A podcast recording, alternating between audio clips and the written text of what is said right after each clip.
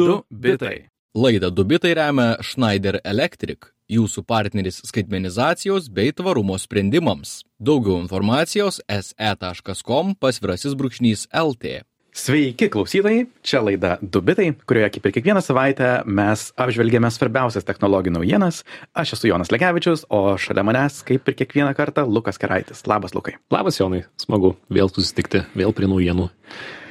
Taip, ir Taip. ką turėsi paruošęs man šią, šį kartą kraitelėje? Yra toje kraitelėje visko po truputėlį. Žinau, kad ir pats Jonas yra paruošęs vieną tokį. Aš mm, piktas būsiu šį kartą. Bus dar piktas, dar palaikys dar šiek tiek jo. pyktį, o paskui pyks susijęs su Apple, galima apie tai išduoti, bet turime įvairių skirtingų naujienų, tad pradėkime nuo pradžių. Galbūt viena garsiausiai nuskambėjusių naujienų, bent jau Junktinėse valstijose, tai tikrai netgi Baltieji rūmai turėjo sureaguoti į tai, kad Taylor Swift atlikėja jos jos, jos nuotraukos, alteruotos nuotraukos paplito po internetą. Tuoj papasakosim. Tad e, šią savaitę socialiniuose tinkluose sparčiai plito netikri, e, greičiausiai, labai stipriai greičiausiai dirbtinio intelektu sukurti seksualiai atviri Taylor Swift atvaizdai. Ir tam yra naujas terminas netgi, nudification angliškai, kas lietuviškai tikriausiai būtų nunuoginimas, ar ne? Geras mhm. išvertimas tikriausiai. Reikia naujo žodžio tam, bet ah, čia dėja žodis, kurį tikrai, manau, ne, ne paskutinį kartą tenka minėti, teks minėti. Dėja, taip. Vienas vaizdas, pavyzdžiui, X, tai yra Twitter'e, buvo peržiūrėtas 47 milijonus kartų per 17 valandų, kol ketvirtadienį paskyra buvo sustabdyta. Iš esmės, Twitter'is tiesiog išjungė paiešką su atlikėjos vardu. Aš nemanau, nemačiau to vaizdo, na, ties pasakius, tai šitais va, tyriminiais tikslais paieškojau, ar tų vaizdų dar yra, a, jų ir nėra, a, bet ar ten buvo nuotrauka, ten buvo nuotrauka, ar ne? Nebuvo. Kaip suprantu, taip, ten buvo nuotrauka ir e, kai aš bandžiau, vėlgi, paieška neveikia, a, mhm. viskas apie Taylor Swift buvo, buvo išjungta, bet e, Twitter'e naujienos labai greitai sukasi, jau buvo ir ironizuotų vaizdų tą temą, tai... Ar ne? A, na, labai paprastai kalbant, tai tiesiog nunuoginta moteris, kuriai uždėtas Taylor Swift veidas ir tai padaryta padarytas su dirbtiniu intelektu. Mes juk matėme tai, ar ne? 17-18 metais atsirado deepfake'ai. Tarp kitko, tada mes su Jonu ir susipažinom, kadangi Jonas padėjo man vienam reportažui paaiškinti, kas yra deepfake technologija, kuri gerokai, gerokai sudėtingesnė. Mhm. Na, uždėti veidą ant, ant žmogaus tuo metu buvo gerokai sudėtingiau, dabar tai tampa labai labai paprasta. Ir, na, tai buvo tikrai didelė diskusija socialiniuose tinkluose vykusi per šią savaitę. Pavyzdžiui, gerbėjai socialiniuose tinkluose netgi turėjo hashtagą Protect Taylor Swift ir tuo pačiu moterų teisų advokatai kalbėjo šią temą tema kad galbūt pagaliau bus atkreiptas dėmesys į moterų vaizdų naudojimą pavyzdžiui vadinamajam revenge porn tai tai yra am pornografiniam turiniui su tikslu atsikeršyti ar ne? Nes jau dabar jungtinėse valstijose yra atvejų pavyzdžiui kai mokyklose paleidžiamos nunuogintų merginų nuotraukos naudojant dirbtinį intelektą. Tai buvo padaryta pavyzdžiui vienoje paauglių žodžiu grupėje jie už tai gavo baudas. Kaip ir minėjau sureagavo baltieji rūmai prezidento atstovai spaudai sakė esanti sunerimusi. New york times rašo kad niujorko demokratų atstovas džou morelo registravo įstatymo pasiūlymą pagal kurį dalintis tokiomis nuotraukomis būtų nelegalu kas šiaip iškelia klausimų nes na na kada tu žinai kada ta nuotrauka yra netikra kada jinai sugin na turiu omeny jeigu įžymybė ar ne yra kuri su bikiniu pavyzdžiui ar ne ir tai geltonieji puslapiai juk dalinasi tokiomis nuotraukomis tai ten atskirti kas sugeneruota nesugeneruota įdomu pasiūlymas na dalinimąsi patį padaryti nelegalų. Yra kitų pasiūlymų pavyzdžiui verge rašo apie vieną e, naują įstatymo aktą jungtinėse valstijose kuris leistų paduoti į teismą už skaitmeninius padirbinius tai yra lengviau leistų žmonėm paduoti į teismą, jeigu kažkas sukuria kopiją su tavimi. Uh, ir šią akimirką, tarp kitko, trečiadienį mes rašinėjome laidą, tai kongreso, kongreso jungtinių valstijų įstatymų leidėjai pakvietė bent kelių technologijų įmonių vadovus liudyti pirmiausia apie seksualizuotų vaikų vaizdų, uh, vaizdų kūrimo užtkardimą, bet to pačiu greičiausiai bus apkalbėta ir šita situacija. Bus ir Twitterio atstovė, kuriai bus nelengva pasiaiškinti, kadangi kai Maskas nusipirko Twitterį, atleista daug moderuotojų ir kaip ir minėjau, 47 milijonai peržiūrų per 17 valandų, kol Twitteris sugebėjo išimti tą Taylor Swift um, priversnai nunuogintą nuotrauką. Mhm. Tai bus jo. ką pasiaiškinti. Ir faktas, jog reikės tikrai kažkokių teisinių sprendimų, nes visa technologinė banga yra į priešingą pusę. Ir jeigu, tarkim, ankstesnė ta, ankstesnė ta banga um, deepfake transformacijų buvo dažniau tuo principu, jog vat, užklijuoja kažkokį žinomą veidą ant jau esamo pornografinio turinio, tai mes žymiai labiau artėjom link to, po, tiesiog vaizdų transformavimo į iš, iš vienų rūbų į kitus. Ir, ir tame kontekste visa visas technologinis pagrindas jis labai smarkiai pigėja greitėja duomenų modeliai šiuo atveju tiktai pildosi am ir manau tokių atvejų bus žymiai daugiau taylor swift yra tas pirmas pavyzdys am bet faktas jog reikia pakankamai greitai reaguoti į šitą dalyką nes labai gali būt jog ta banga prasiverš gana gana Mhm. greitai Taip, įdomu, kaip reaguos Junktinės valstijos į tai, nes, na, kaip tai suvaldyti, ar ne, nes neleisti kurti tokius vaizdus nėra logiška, nes tie, kas kuria, tikriausiai naudoja atviro kodo sprendimus, Mhm. tikėtina, kur apeini tiesiog taisyklės ir ten sugeneruoji nuogumą, kurį šiaip įprastinis įrankis neleis. Galbūt viešai neleisti dalintis, nors tikriausiai ir taip jau būtų galima rasti įstatymų, kurie neleistų na, be, be žmogaus teikimo, bet vėlgi tai yra žymybės. Tai klausimas, galbūt platformas reikia įpareigoti, neleisti nunuoginti arba sugaudyti visus dirbtinių intelektų sugeneruotus video ir paveikslėlius, bet taip pat yra teigiančių, kad Pandoros dėžė atidaryta, kelio atgal nėra ir susitaikykime, kad bet kas gali sugeneruoti bet ką su tavo atvaizdu ir, na, žodžiu, gyvenkime su tuo, nors tikrai baisu pagalvoti, kažkas paimtų tavo nuotrauką, tavo, tavo, tavo kūną ar ne, na, tavo, tavo tiesiog veido nuotrauką ir uždėto netikro kūno, pats dalintų, kad štai ja, jisai ar jinai dalyvavo, filmavosi tokiam pornografiniam įvaizdai iš karto, tai yra kompromatas labai didelis. Vienas iš atsakų, ir mes toliau ir pašnekėsim apie Apple, bet Apple turi tą technologiją savo žinučių platformoje, kur atpažįsta bet kokį nuogumą ir jį bando filtruoti, ypač jeigu tai yra nepilnamečio telefonas. Mhm. Tai turbūt tai privalės kartu būti ne vien tik tai teisinis atsakas į technologinę problemą, bet ir technologinis atsakas į technologinę problemą, atpažinti visas potencialiai dirbtinio intelekto sugeneruotas nuotraukas su nuogumu ir galbūt pritaikyti žymiai stipresnius moderavimo filtrus tuo atveju. Mhm. Taip. Tai na, ir, ir gaila iš tikrųjų Taylor Swift atlikėjos, kurie tiesiog nieko nenusikalto, bet to, kad yra super įžymi asmenybė ir dėl to jos vaizdai plaukia ir kažkas sugalvojo būtent su ja tai padaryti. Tai vat, bet įdomu, kur, kur nuves šitie, šitos diskusijos, galbūt kažkokį naują įstatymą iš to išgausime, išgaus Junktinės valstijos. O dabar tas žadėtasis Jono pabambėjimas, bet tikrai yra apie ką pabambėti apie Apple, jos, amžin, jos amžinuosius 30 procentų, bet kai kas naujo įvyko su Sąjunga. Tikrai taip. Bendrai kontekstui reikia priminti, jog Apple pilnai kontroliuoja viską, kas leidžiama iPhone'uose. Pavyzdžiui, programėlės galima instaliuoti tik iš App Store, kas nėra taip, kaip yra, pavyzdžiui, Windows'ose ar Mac'e, kur gali tiesiog parsisiųsti. Mokėjimai juose už skaitminius produktus irgi privalo eiti tik prie Apple ir nuo tų mokėjimų Apple pasiema 30 procentų. Sakytum, na, okei, okay, 30 procentų nuo skaitmeninių mokėjimų. Tai yra 90 milijardų dolerių per metus. Beveik pusantro karto daugiau nei visas Lietuvos bendras vidaus produktas. Tai yra didžiulis didžiulis pajamų šaltinis Apple ir jiems tie 30 procentų App Store yra, na, jie nenori net niekiek paleisti šito pajamų šaltinio, nesvarbu, kokie įstatymai leidžiami. Um, ir jų taisyklės, kaip smarkiai jie apriboja visus uh, programėlių kuriejus, yra beprotiškos. Negalima net pasakyti vartotojams, jog kažkur internete yra pigiau ir to rezultatai yra, pavyzdžiui, Netflixo programėlė negali užsiregistruoti, Spotify per programėlę kainuoja brangiau nei internetu, Amazon Kindle negali nusipirkti knygų, um, Patreon programėlė iš viso neegzistuoja, nes tiesiog nebūtų suderinama su šiais principais.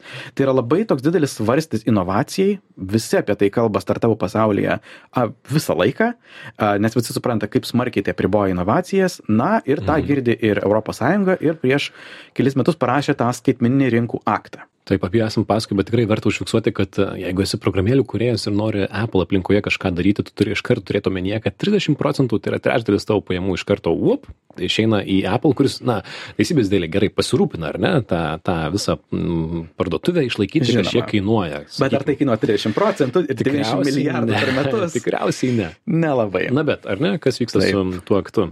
Taip, tai vėlgi, mes esame apie tą skaitinių rinkų aktą šnekėję, jis yra įdomus tuo, jog jis teoriškai parašytas a, bendrai, bet yra akivaizdžiai parašytas galvojant apie tam tikrus technologinius gigantus. Ten yra a, taisyklės, kurios iš esmės galioja tik tai meta programėlėms, taisyklės, kurios galioja tik tai e, Amazon ir didelė dalis buvo taisyklės, kurios iš esmės yra parašytos galvojant apie Apple, a, kuri, kurie pilnai kontroliuoja visą savo programėlių ekosistemą. Ir e, Ir Apple turėjo laiko pagalvoti, kaip, kaip atsakyti Mhm. um, į visą šitą dalyką.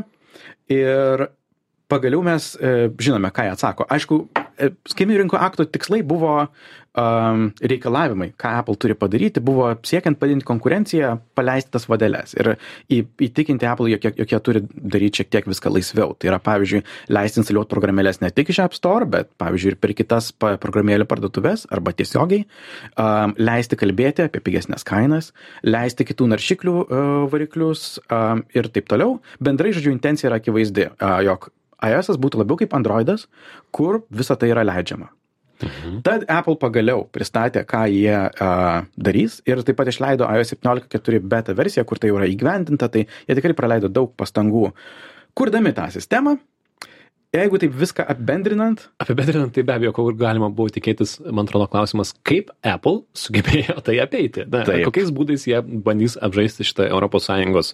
Nes jie visiškai to nenori daryti. Taip, spaudimą atsiverkit, būkite atviresni, leiskit instaliuoti iš visų pusių ir visiems, mm, na, kitaip parduoti mhm. jums dalykus. Pirmiausia, Apple niekiek nebando, taip sakant, būti įstatymo dvasyje ir tiesiog skaito viską pažodžiui, kiek tik minimaliau įmanoma laikytis to įstatymo, jog vis dar atitikti reikalavimus um, ir kuo mažiau patrauklio, patraukliom sąlygom, jog naujos uh, sąlygos būtų praktiškai niekam neįdomios. Ir aš manau, ES tikėjosi, um, jog Apple pristatys sąlygas, kurios bent kažkam patiks ir bus norinčių jomis pasinaudoti, uh, bet manau, kai viską išgirsite, tikrai suprasite, kodėl aš manau, jog gali būti, jog labai mažai kas priims šitas naujas sąlygas ir norės pasinaudoti. Bendras Apple tonas, tai irgi norėčiau pastebėti, yra itin atsainus, jie daugybę kartų kartoja, kaip visi šie pakeitimai padarys iPhone'us labai nesaugiais, mes esame priversti priimti šiuos blogus sprendimus, kurių nenorime priimti. Um, aš manau, dėl nieko nerimauti nereikia. Apple tikrai gazina be priežasties ir tai yra toks politinis šnekėjimas jų atveju. Uh, ir jie visiškai elgės kaip kaprizingas vaikas, kuriam liepia kažką daryti ir jis nieko nenori daryti. Mhm. Na, tokiais paprastais terminais, tai kiek atsitraukia Apple, ką jie padarė kitokio, kad sutiktų su ES? Taip. Um, ir dar pridėčiau, jog visą tai galioja tik tai iPhone'uose. Mhm. Jie taip smarkiai nenori nieko daryti, jog net iPadai, kurie iš esmės yra dideliai iPhone'ai, iš tos taisyklės negalios. Bet, na, taisyklės. okay. um, pirmiausia, bendras tikrai dalykas, jokios kritikos tam pagaliau leis žaidimų streaminimo platformos, tokias kaip Xbox Game Pass, kurios iki šiol buvo uždraustos, dabar globaliai leidžiamos valio. Puiku. Vienas geras dalykas, ką Apple padarė. Visa kita yra UF. Um, pirmiausia visi apie tai šnekėjo kaip apie tokį sideloading arba galimybę instaliuoti programėles tiesiogiai parsiuntus iš interneto tai nebus leidžiama tai kaip androide pavyzdžiui gali tiesiog parsiųst programėlę mhm. taip neišeis vietoj to apple leidžia sukurti alternatyvias parduotuves kuriuose na, būtų alternatyva konkurencija App Store'ui. Tos programėlės taip pat turės pereiti Apple patikrą, tačiau su šiek tiek mažiau taisyklių, tai Apple negalės blokuoti dėl turinio. Uh, tos alternatyvos parduotuvės nebus irgi lengva sukurti, reikia turėti bent milijono dolerių kredito, uh, parduotuvė privalo būti prieinama visiems, tai pavyzdžiui, Meta negali turėti parduotuvę vien tik savo programėlėms, uh, kas buvo didžiulis jų tikslas ir noras. Uh, ir jeigu eini tuo keliu, uh, tai tuomet gali naudotis praktiškai visomis galimybėmis. Gali siūsti žmonės į savo puslapį, kalbėti apie pigesnės kainas ir taip toliau. Um, taip pat yra galimybė ir pasilikti uh, App Store, jeigu nori nebūti šitoje alternatyvioje parduotuvėje ir irgi priimti naujas sąlygas. Ir tos naujos sąlygos tau sumažins mokesčius e, nuo 20 procentų iki 30 procentų. Nuo 30 iki 20? Taip. Um, ir leis vėlgi taip pat žmonėm kalbėti apie tai, jog galima daryti pardavimus ir per internetą, bet jei nori šito mokesčių sumažinimo arba nori būti šitose alternatyviose parduotuvėse, yra naujas papildomas mokestis.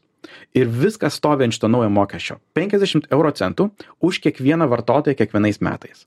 Mhm. Tai, kuris parsisiuntė programėlę? Taip, kuris parsisiuntė programėlę. Vadinasi, taip, tu taupai 10 procentų, bet moki plus 50 centų. Vadinasi, reikia tau tikėtis, jog tu uždirbi iš to vartotojo bent 5 eurus per metus, jog tau tai apsimokėtų. Mhm. Um, Ir, ir bendrai. Tai daugam labai neapsimoka, ne? nes turi labai daug uždirbti ir vis tiek labai daug ap apmokėsi. Visiškai. Um, šitas technologijų mokestis, kaip jie vadino, nužudo beveik visus pelningumo skaičiavimus ir atima motivaciją visiems, kas norėtų dalyvauti. Didžia, didžiausia rizika yra naujoms programoms, kurios dar tik tai kyla. E, pavyzdžiui, nežinau, koks Birylas atsirastų, iš karto turėtų 100 milijonų vartotojų ir jau būtų skolingas Apple 50 milijonų eurų nieko neuždirbęs. Ir bendrai, manau, šitas skaičiavimas, kiek daug tai kainuos, um, lems, jog turbūt nei Meta, nei Spotify, nei visi kiti, kurie labiausiai norėjo šito pakeitimo, uh, turbūt ir neis juo. Taip, tai man atrodo, gal galėtume apibendrinti šiek tiek, tai kodėl, na, kodėl tau pikta ir kodėl pik, pikta developeriams, um, apie ką yra šitas šurmulys iš tų žmonių, kuriems skauda ta ekosistema Apple, kurios nenori atverti visiškai, visiškai, nei, nei centimetrą atgal, mhm. arba, arba jeigu žingsnį atgal žengia vieną, tai dar tada vieną į kairę ir vieną į priekį. E, Manau, esminis dalykas yra, kai Apple sukūrė tas e, taisyklės, ten 2008 metais, pasaulis buvo visiškai kitoks negu yra dabar. Dabar mes visą savo skaitminę ekosistemą statome ant mobilių programėlių ir Apple kontroliuoja visą tą ekosistemą. Ir kol jie taip intensyviai laiko tas vadeles įtempę ir niekiek jų neatleidžia, jie yra tas toks svoris inovacijai, kaip smarkiai sunku yra kažką naujo sukurti. Ir todėl yra toks didelis politinis spaudimas visur pasaulyje. Ir lūkestis buvo, jog ES šitas įstatymas privers Apple šiek tiek atleistas vadeles, bet reikia pripažinti, jog Apple apžaidė. Mhm. ES šiuo atveju jie taip minimaliai e, viską išpildė, taip maksimaliai viską apsunkino, jog aš manau, jog bus kas pasinaudos šiom nau- naujom taisyklėm, yra verslo modelių, kuriuose tai veikia, Epic Games yra pasakę, jog jie sugrįž, bet bendrai aš nustepčiau, jeigu bus didelis noras tą palaikyti. Ir tai tikrai nebuvo tai, ko ES norėjo. Mhm. E, Netgi Spotify'aus vadovas Daniel Ek yra pasakė, tai, tai naujos žemumos, netgi Apple tai yra turėdamas omeny, bet iš tikrųjų tu turi muzikos leidimo programėlę, kuri veikia pagrindė telefonuose, net ne- nemažai ir kompiuteriuose be abejo jų yra, tikrai nemažai naudotojų turi iPhone'us ir tu atiduodi 30 procentų ir negali nieko dėl to padaryti, tai turėtų būti visai skaudu. Ar Apple turi ką pralošti iš visam žaidime, kad jie taip drąsiai žaidžia, na, kas jiems gali nutikti? Um, aš manau, jie gana teisingai masto tai, jog jie ieško, kur yra ta riba, kurios vyriausybės įstatymų leidėjai neperžengs. Mhm. Europos komisija šiuo atveju. Europos komisija šiuo atveju, bet kitose šalyse skirtingai, ten e, Kalifornijos gubernatoriai ir taip toliau, E, nes jie žino, jog, tarkim, turbūt vyriausybės ir įstatymų leidėjai neleis savo, pavyzdžiui, pasakyti, jog Apple tu negali iš viso imti pinigų už programėlių išleidimą. Mhm. Ir tikėdamėsi, jog yra tam tikra riba, kurios įstatymų leidėjai neperžengs, jie žaidžia žaidimą, kur rodo, kiek mažai jie gali padaryti ir vis tiek e, atitikti jų statymus. Taip, bent tai tam kartui galima sakyti, kad Apple atsil- atsilaikė, dabar sekantis tikriausiai žvilgsnis dabar krypsta vėl į uh, Fury Bretoną tikriausiai ir kitus Europos komisijos žmonės, Sąjungos žmonės, mhm. ką jie atsakys apie kurie šitą. turės įvertinti šitą pasiūlymą, mhm. nes tai nėra įtvirtintos taisyklės, tai yra Apple pasiūlymas ES ir, na, uh, Thirbertonas jau pasakė, jog jeigu tai netitiks reikalavimo, tai jie sulauks stiprių veiksmų. Taip, tai galios žaidimai, galima sakyti, tokie vyksta. Žinių radio klausytėm priminsime, kad girdite laidą pavadinimu Dubitai, kalbame apie technologijų naujienas, kaip ir kiekvieną savaitę. E, Jonas apžvelgė Apple e, šitas kovas su ES ir Europos komisija, stovės tvirtai įsikibę savo, savo mėgstamų taisyklių. O kitos naujienos iš kitos ryties taip pat nemažai nu- nuskambėjusi naujiena apie Neuralink, šį įdomų startuolį, už kurio vėlgi Elonas Muskas ir jie šitą padarė naujo šią savaitę. Tai Elonas Muskas nesnei Twitter'e parašė, kad sekmadienį Neuralink sėkmingai įdėjo pirmąjį smegenų implantą. O jis beje vadinasi telepatija, tai yra telepatija. Įdėjo šį implantą žmogui. O operacija buvo atlikta sekmadienį, o pacientas veiksta gerai, e, bet daugiau Muskas nieko nepasakė apie pacientą. E, Žodžiu, aš jį palyginčiau pasakymą, žodžiu, nuleidom zondą ant minulio, zondas atsiuntė signalą, bet ką atsiuntė, ar ilgai veiks, ar tai šis panaudotina, mes dar nežinom. Bet priminsiu, kad Neuralink yra nuo 2016 metų e, veikiantis startuolis, kuris siūlo technologiją, ji žada padėti paralyžiuotiems žmonėms vaikščioti ir gydyti kitus neurologinius sutrikimus. E, Iš esmės e, darai įdedi prie smegenų žievės tokį mažą implantą. E, Jeigu turi stuburo smegenyse kažkokią traumą, tai įdedi kitą implantą žemiau, ties, ties dubeniu ir tu gali valdyti kojas. Toks yra pažadas. Ir mes jau esame apie tai kalbėję 22 metais, 58 laidoje. Tuomet e, nemažai apie tai kalbėta. E, Tuomet e, Neuralinkai parodė, kaip beždžionė žvilgsniu ekrane klaviatūroje rašo žodžius. Beje, daug kur pastebima, kad tai jau veikia šitą technologiją 15 metų, kad tai buvo pademonstruota prieš nemažai metų. Šitą naujieną apskritai dėl to garsiai nuskambėjo, kad žmonėm tai skamba baugiai ir galima mhm. suprasti. Elnas Muskas kažką implantuoja į smegenis. Taip. Tai antraštė gaunasi labai gera. Gal reikėtų ir mum, ar ne, antraštėje įdėtų visi paspaustų, nes skamba gazinančiai. O ne, dabar mane kontroliuos, dabar bus baisu, dabar bus blogai. Ja, tiesą pasakius, tai super įdomi technologija ir, ir labai naudinga. Dabar tas žmogus, kaip galima įtarti, greičiausiai tas žmogus, kuriam buvo įdėtas implantas, tikėtina, kad galbūt jis nevalgo, ne, ne, ne, nevaldo visai savo galūnių, nei kojų, nei rankų, kadangi tokių žmonių ieškojo prieš pusę metų Neuralink, na, kad jau jie buvo gavę 23 metais leidimą atlikti tyrimus su, ir, ir su, su, su žmonėmis, tai tą ir norėjo padaryti. Šitoje istorijoje yra labai pradžiopsima tai, kad šiaip nemažai Neuralinkas turi konkurentų ir Mhm. konkurentų tiek Europoje, tiek Junktinėse valstijose. Tikrai skaičiau ne apie vieną iš jų ir, na, galima mažų mažiausiai paminėti Šveicarijoje įsikūrusi sutrumpintai vadinamą EPFL įmonę, jį prancūziškai tad neištarsiu, kuri iš esmės jau prieš, jau praeitais metais e, padarė labai panašų dalyką, e, leido jam vėl vaikščioti iš esmės vien savo minčių pagalba. Tai yra implantas, kuris skenuoja smegenų judesius, implantas dubenyje, e, jie apeina traumą ties viduriu ir žmogus, na, po kelių dienų galėjo atsistoti pasiremdamas, bet gali vaikščioti, kas yra įspūdinga, neįtikėtina ir tiesą pasakius, medicinoje tai yra didžiulis, didžiulis laimėjimas, tai tiesiog ta antraštė ir tie straipsniai, kurie parašyti iš tos naujienos tokie, eh, gazinantis ar ne, šiek tiek nuvilintis. Nors technologija labai lėta ir aš sakyčiau įdomi. Be abejo, numatant tai, kad, ką, manau, Elonas Maskas žino, nelabai ir slepia, kad pirmiausia tai ateis į mediciną, kaip ir daug kur su technologijomis, ir galbūt po dešimties metų Jonai, gal nori pasiugreidinti save ir įsidėti implantą, kuris valgys, e, e, vaikščiosi dar greičiau. Jis vien tuo pavadinimu telepatija, tai jis Taip, akivaizdžiai jau nori komunikuoti, tai jog čia nėra, nėra vien tik tai medicininis dalykas, čia mūsų smegenų ateitis, bet aš džiaugiuosi, jog jie pradeda nuo tikrai praktiškų ir naudingų dalykų, o ne nuo pilnai sveikų žmonių, kuriems tai būtų būdas mintimis pažiūrėti, ar turi naują e-mailą kokį. Mhm, taip. Nors e, galima apie tai svajoti. Šitoje istorijoje tai kontroversija yra iš tikrųjų gyvūnų teisės, nes šitose tyrimuose naudojamos tiek keulės, tiek beždžionės ir, ir jau gavo Neuralinkai tyrimą praeitais metais apie tai, kad su tais gyvūnais elgesi tikrai gana ne taip, kaip turėtų. Mm, Yra gyvūnų gerovės pažeidimų, buvo pradėtas tas federalinis tyrimas tuo metu. Tai į tai reikėtų, man atrodo, atkreipti dėmesį, bet e, kad kažkas mus valdys per mūsų smegenis, baimintis dar anksti.